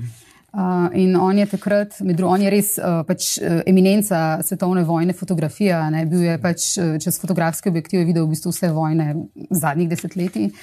Um, in on je takrat rekel, recimo, videl sem najboljše in najslabše v človeštvu.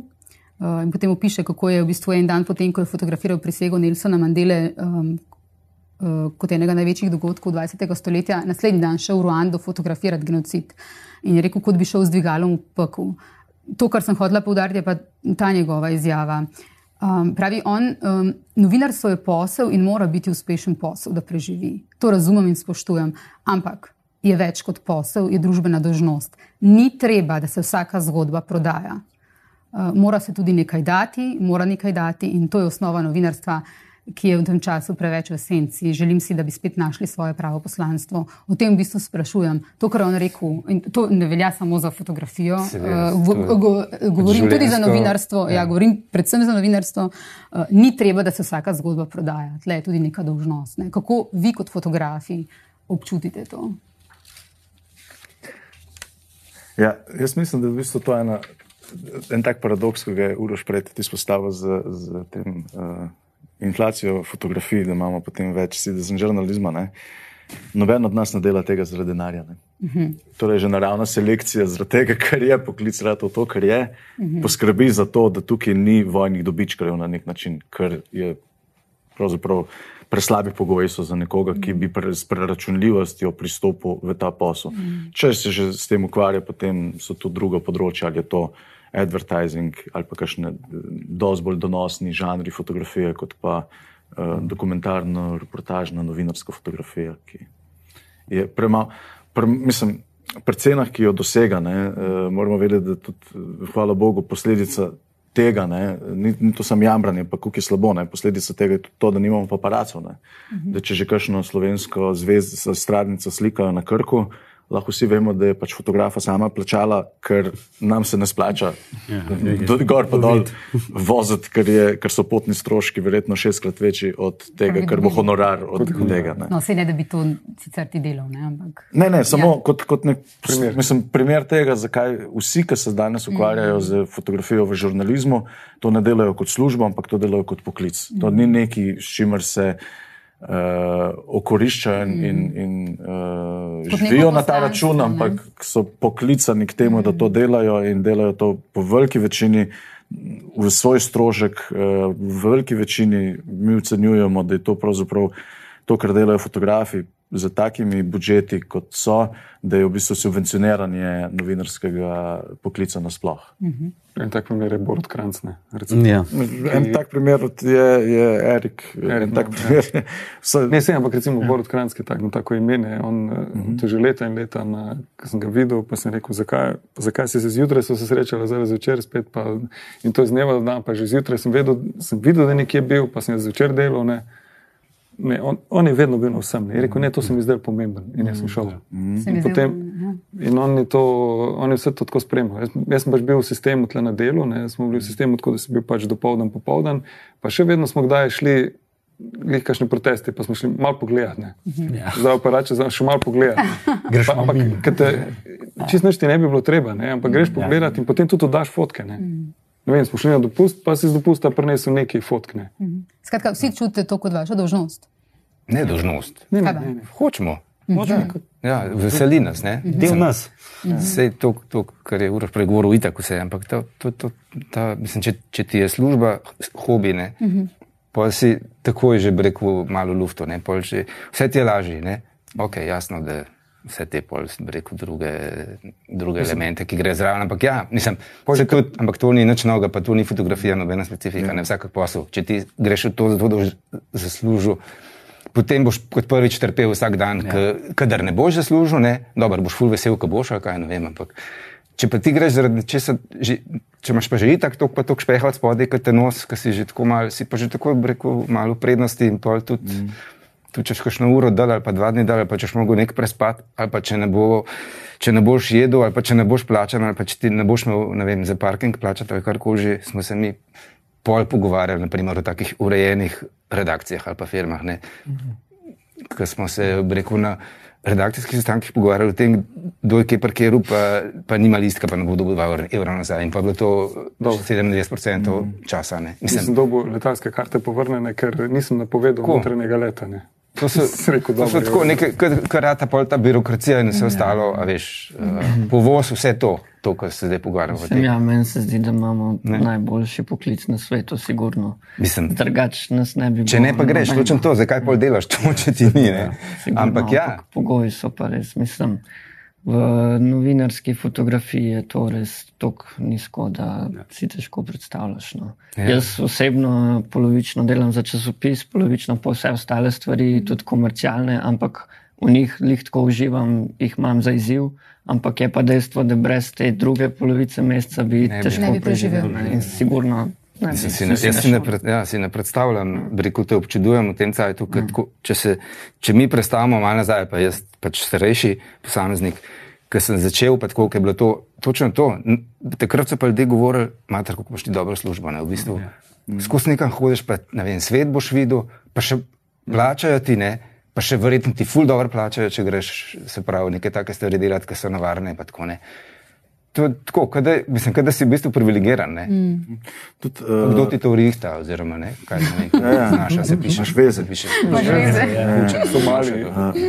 Tako, tako, in pol res ta totalno, mislim, pa nismo imeli plač takih, tako, ne, ampak ampak, si spoštovan, Imaš preživel, ja. ja, ampak tako, ja, Najbrž bilo je je preživeti. zato tudi vsi tako preživeli malo mladih. bilo Tukaj, tukaj, tukaj recimo zelo, zelo poveden podatek je, ne, eh, v novinarstvu, tudi pri vas v hiši, si lahko verjetno to preverite, koliko imate uh, fotografov na plači, pa koliko imate novinarjev na plači. Ne. Fotografi so uh, po naših anketah našega članstva, jih je samo ena četrtina. Ja.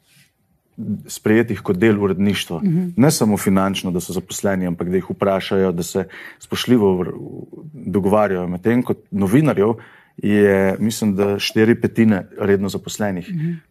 Fotografov je torej tri četrt, freelancerjev.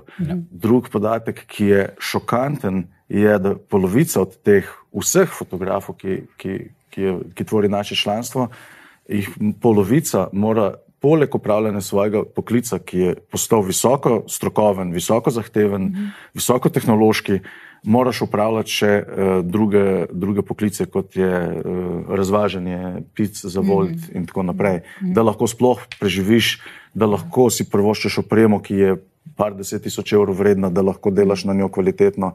Uh, in tako naprej. Tako da v bistvu vsta odnos, ki je okrog tega, ne, zelo velikrat se nam je zgodilo, da smo bili pravzaprav bolj pomembni za uredništvo kot ljudje z vozniškim izpitom, kot pa ljudje, ki smo znali fotoparat handlat. Um, med nami je malo šala, da smo pravzaprav zreducirani na pametna stojala in da če bomo imeli pametne drone, ki ga bo lahko urednik poslal slikati neko tiskovno mm. konferenco, bomo popolnoma nepomembni. Čeprav v praksi se vidi, da pravzaprav je, da smo mojstri izražanja in, in prinašamo neizmerne surpluse v kvaliteti medijev, s katerim sodelujemo. To smo eni zelo vidni uh, ustvarjalci presežnih vsebin. Uh, pa, uh, nismo pa ljudje, ki se znamo dobro artikulirati. In znamo dobro argumentirati naše pozicije, in zato se v bistvu, in je izrazito individualen poklic. Uh mhm. -huh. In posledično smo uh, popolnoma nemočni proti našim organiziranim profesionalnim sogovornikom. Uh mhm.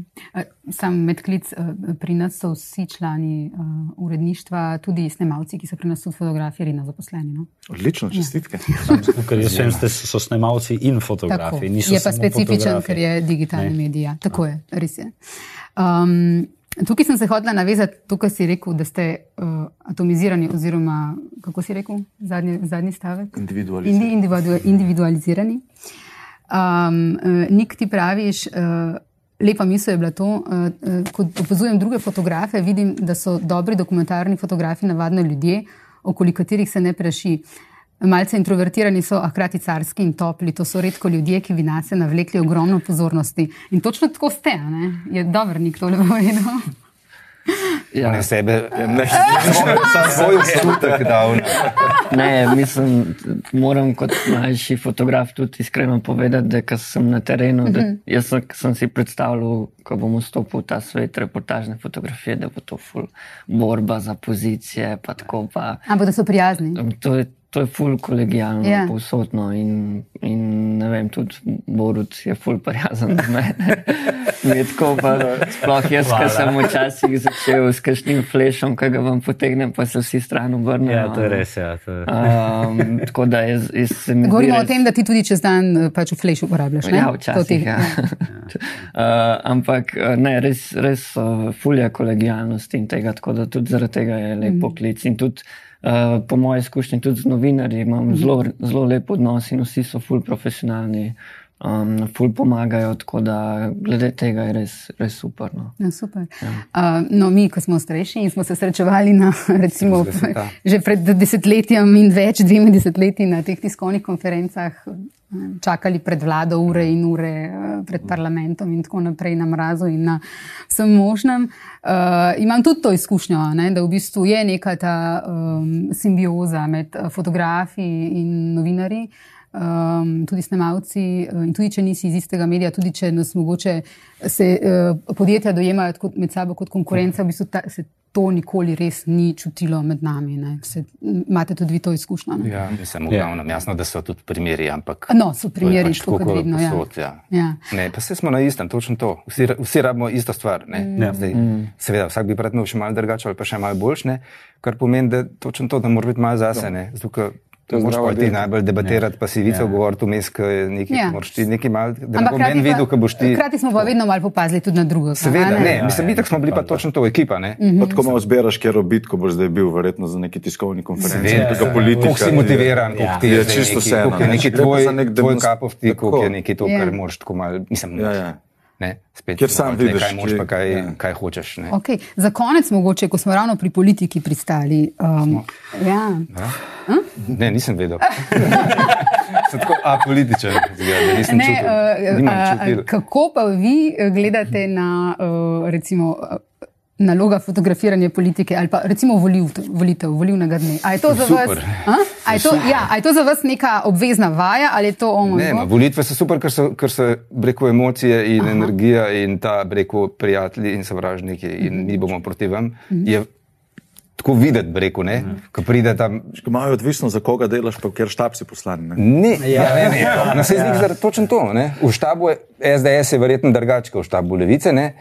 Zdaj, kako pa ti to, zdaj pa ti sliki to, da je tam tako drugače. Skratka, je vedno tam je. znova izziv. Na štiri leta, tako kot za nas, za novinarje, ja. ker nam je to tako kot ne olimpijske zato, igre. da si ne. rekel, ja, pa, da bi se na filu sam sebe, ja, Ja, ja, ja, je izziv, ampak enostavno me, zan, mislim, Ja. ja. me zanima. To je, to je to. Zato, ko uživaš, ko to delaš. Ne? Ja. Tako, ko, tu, če imaš manjšo plačo, uh, vem, koliko uživaš, ko delaš. Zato, te, rekel, zato štekam, da je nekdo, uh, ne, pa tudi kaj ura, peče stvari, ki so oni že šli, ki so, šli- ki so do treh v službi, ne, smo, je- so pač eni, kar delajo in nas sprašuješ, ja, sem, a ja, so ti dvignili plačo, kva? mislim. Ne, čak, pust me, ne, tole moram, ne vem. Ne. To, to čakam, to bi rad, to me zanima. a bo, Tudi tako je, ne? na nekih volitvah, na nekem štabu je ogromno nekih uh, nepričakovanih stvari, ker veš, da bodo nepričakovane. Ja. Medtem ko na neki tiskovki točno veš, kaj bo na tiskovki. Pa tudi tam ne veš, včasih. Ne, ne, pa- Se zgodi, ne, ja, ampak se veš, v, v glavnini je dolgočasna ravno tega, ker ti točno določijo, iz kje moraš slikati, določijo ti čas, določijo ti svetlobo. Tako da dejansko tukaj neki veliki se izražati ne moreš, ne, da bi se nekaj igral tukaj znotraj tega. Ne. Ja. Tam gre bolj za nek tak forenzičen, oziroma za nek opisljiv Ja. dogodek, ki ga tudi seveda je nujno potreben, ampak napram nekem bolj unikatnim zadevam, kot so volitve, kjer so. Kjer je slaba volja, kjer je smeh, Ja. kjer se pleše. kjer Cela se kampanja toka. je bilo, je Ja. bilo je je downs. zmeraj to zanimivo, ker je bilo to tako nek proces, kaj je ena, veš, ne, ena poroka ali pa nekaj. Ne, je tudi- zmer, nekaj se ve, pa se malo ne ve, pa, pa bo tako, pa kdo bo tle izskočil, pa kdo bo tam preletel, pa kaj bo nepričakovano, pa kdo se spotaknil. Pa, mislim, tako, hočem reči, med nekaj Sled, ki se je nekaj, Na ne. predsedniških, ki se je uh, logar skoraj ob uh, Voranca vogla, ker je na sredini bil med vsemi. A je? Ja, ja, ko ste se rokovali, on bil vmes. Ja, on bil Ampak vmes. uh, se mi zdi, da. da To je uh, življenje, to je, življenje, to, to je točno Ja. ja. to, kar mi delamo, Ja. ja. veš, to hočem reči. Pa ljudje so, ne, to je verjetno mi tam delamo. bistvu, tam v bistvu PR-ovci nimajo dosti Kontrole, ne? Ja, Nimajo nadzora. Ne? ampak ne morejo prenuiti. Ja, ja, ja. je, da se v volilnem letu javna površina odpre. Kaj vse je javnost? In ne? kaj vse je možno? Ja, ker potem, ali pa sploh odvisno od kjer vlade, se kar naenkrat ta javna površina je zelo omejena. ne. Ko so po volitvah, ja, pridite se družiti z našimi uh, člani. Pokažite Ja, nas, koliko smo fajn, pa lepi. Ja, pa ja, ja. Organizirali, če se prav spomnimo, ne, so na zadnjih volitvah določene stranke organizirale večerje za fotografe in novinarje, To je posoočeni. korupcija Ne, 100 to je- tavžent milijonov, Če bi se ja. to zgodilo danes večer, bi verjetno jutro vsi mediji pisali o tem, kakšno vlado imamo, ki je odprta za javnost, se trudi biti Razume, nas tako razume. ne. Ja, čut, čut. Skratka, če vas prav razumem, uh, volivni dan ali pa kampanja, cela kampanja je v bistvu za vas fotografe še najbolj zanimiva. Safari. Iz politike. Safari, ja, ja. Ker je v bistvu več svobode v tem, kar lahko iz politike vi uh, s fotko potegnete. Ne? Tako. Ja, takrat, takrat imamo v bistvu, Ker se- takrat zaživi politični portret. ne. Ni, ni izveden na propagando, ne, ampak je dejansko takrat Ni, lahko to ja, delamo. ni reakcije na To tebe, je- na fotografa. In to, to isto, mogoče tudi prej, ko smo se pogovarjali za portrete, pa to se mi zdi točno to. Danes je to, kar ti na ulici slikaš. Ne? Vsi ti nazaj reagirajo z raznimi, a veš. GDPR. Mislim, mi, res, mi, pa pa mi pa že težimo breko od takrat, ne vem, ko sem prvič prišel ali pa ko mi je Joco govoril, uh, Žnidaršič urednik, ne, ne, dej, ne delati to, kar ti ljudje skačejo v kamero, pa ki se ti smejejo, pa ki ti tole. Delaj to, kar je, brez tebe, ne. Bod muha, ki, ki ne reagira, ki, ki ne spreminja situacije.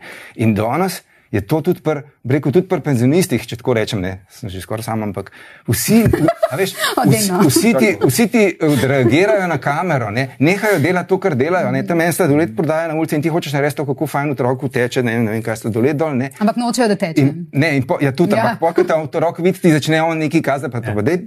Dej ti, glej, kaj ti imaš že na komovcu, Mislim, pet še kepca, huje, veš. reče, še huje, ko, efekt, ne. ko potem Instagram fotor efekt. prileti, pa te udari iz prve, ker si pedofil, ker si Ali pa še kaj takega. Ampak to, mislim, ta reakcija na kamero, to je pa tudi to, kaj ta čas prinesel in ta Ja. ja. telefon. In, uh, Vsi se bolj skrivajo, ne, vse- Vsi nastopajo skozi. Ko Kako ne pride- dobiš pristanga Ja. dogajanja človeka, ki gre, ne vem kaj, ki dela na vrtu ali pa ki gre na sladoled ali pa ki sedi na kavi. Vsak ti Tudi tud, eh, zanimiv moment je, ne, kako so v bistvu svojo načimernost smo zapakirali v, v zasebnost. Ne. Tisti, ki naj, imajo največ objav, najbolj pizdijo nad nami, uh, kako so slikani na ulici, ko je javni prostor in je šla gospa čez cesto ne, in preleti vsa jezna, kako se ima sliko, potem zveš, da je, poguglaš in vidiš, da ima gospa iz vsakega dneva 200 fotkov objavljenih. Torej, pravica do zasebnosti je zgolj izgovor za to, ker nimamo kontrole nad tem, kdaj Kaj? in kako smo Ja. slikani. Na- ne. na- ja, Kar smo, kar smo nekako ja. pridobili ta občutek z delanjem selfijev, ne, kjer imamo pač vso to kontrolo. Ja, Poln ja, nadzor ja, nad ja, ja. Seveda, ne, ampak Jaz, ravno jaz, zaradi tega, jaz, zaradi jaz. tega selfie ni portret. Ne, tudi, Ja, ni avtoportret, definitivno. ne, tudi v Ok. kategorijo portreta ga ne moramo dati. Dobro. Ne. Ampak je Ja. ja. tudi to zanimivo, recimo, kar sem rekel. Je, veš, ko, to po ulici, ne, sem se soočil dvakrat, recimo, z, dobesedno skoraj s fizičnim obračunom. Ne. Ko si ulico fotografiral. Ne, ko na ulici. To je, in to je recimo, ful velik problem. Ko ljudje mislijo, da aha, nekaj, si, nekaj si fotkal, mene pa ne boš objavil, pa gor dol. Ne. Recimo, smešen pa je, da recimo nekatere objave na uh, teh medmrežjih, ne, ti ko daš fotko, gor se ti tako razleti okrog. Ne. In jo vidi, po mojem, več ljudi, kot je videl v časopisu, ki je mm. stiskan ne vem, na kladi, tudi če 60 tisoč mm. je malo. Uh, tako da, pa to je problem. Ljudje, ljudje sami sebi podeljujejo vloge. Tako hočem zgledati. ne. Recimo, danes zjutraj sem gledal, ko sta se slikala hči pa ta prijateljica. ne. Uh, kaj, vse, kaj vse počnejo? Kaj, kakšni so filtri? Gledam, kakšne oči imajo to. Ne? Ja, nek filter jim je nekaj oči dodajal, pol, sicer to vse na neki ravni igre, pa ne, popolnoma nedolžne, pač nekaj z enim, z enim komadom, jaz nimam pojma, ampak kaj, kaj, kaj vse to mogoče. Ampak oni dve sta sebi neko vlogo podelili in sta tam neki pele in to pač tako. In dokler ko pa ljudje ne morejo več kontrolirati svojih vlog, ne, očitno postanejo nervozni. Ne. Ker časopis ne bo tistega, se pravi, PR njihov, ne bo več na ravni propagande, ampak bo kar naenkrat uh, real life. Ne. Tle bi jaz sem dve stvari še izpostavil. Zelo hitro. Prva je, da uh, imamo fotografi uh, dosti manj pravic kot pa potrošniki. Uh -huh. uh, če gremo recimo v BTC, neko trgovsko olejo, ne vem, neko trgovsko središče, uh, dobesedno, če vstopim z fotoaparatom noter, Tako zelo je. hitro ven pospremljen, uh -huh. medtem ko s telefoni lahko delamo milijone selfi, uh -huh. selfijev, pošiljamo, a bi te čevlje kupili ali druge svojim ne vem, bližnjim, da nam pomagajo odločiti in tako naprej. Tako da to je en primer te, tega krčenja javnega prostora in te neke, neke dvo, dvoličnosti. Ta druga zadeva je pa ravno pri teh filtrih, oziroma ko ste se prej že pogovarjali z Instagramom uh, in z socialnimi omrežji. Uh, Mislim, da imajo recimo francozi dosti bolj to rešeno, ker morajo ob uporabi Photoshopa ali kakršne koli intervencije, ki vsebinsko spremenja fotografijo. Ne govorimo o zgolj vizualnem ključu, torej kje je svetlo, če se malo barve popravijo, kontrast in tako naprej. Ampak Spreminjanju telesa. Tako kot je, Ja. ali pa kot je ni govoril, da se od, iz ozadja oduzame neka zadeva in tako naprej, mora biti zakonsko predpisano, mora biti označena. Tudi zaradi tega, ker vsi ti filtri ali pa to, kar smo delali s Photoshopom, lahko iz česar koli naredimo karkoli. In je za samo podobo, uh, ker fotografija pa le ima to. Kakorkoli se trudimo, da ji podzavestno vedno pripisujemo kredibilnost. In je zaradi tega zelo pomembno, uh, ko si prej, ko smo se pogovarjali o teh mojih portretih, ki so na zelo različne načine narejeni, uh, vedno je podpisano kot podoba. -huh. Zaradi tega, da, se, da, da, da damo vedeti, je zelo, zelo pogosto je čist klasična fotografija. Je pa doskrat Photoshop, -huh. je doskrat intervencija gor in tako naprej. In meni se zdi, mene nič ne prizadene, če je to v nek širši kontekst postavljeno za nekoga, ko bo pa hotel biti točno tako namazan ali pa točno tako velike oči imeti, kot jih ima nekdo na fotografiji, pa če bo zraven pisalo, da pač je fotografija, bo dodatno potrebovalo, da je to eh, kredibilnost te, te podobe. O problematiki filtrov uh, smo tudi nedavno pisali uh, v rubriki Poglobljeno. Uh, tudi profesorica Heather Widows, uh, profesorica filozo filozofije iz Velike Britanije, je v bistvu o tem uh, govorila za nas, tako da vse bralce in bralke uh, napotujem tudi na rubriko Poglobljeno, če jih to zanima. Uh, vsem skupaj najlepša hvala, da ste bili danes gostje v NN podkastu. Hvala za vaše misli o, o fotografiji, o spremembah na področju fotografije in o moči fotografije v novinarstvu. Hvala. Hvala, hvala tudi za vaše delo. No? Hvala za zanimivo vprašanje in teme. Hvala.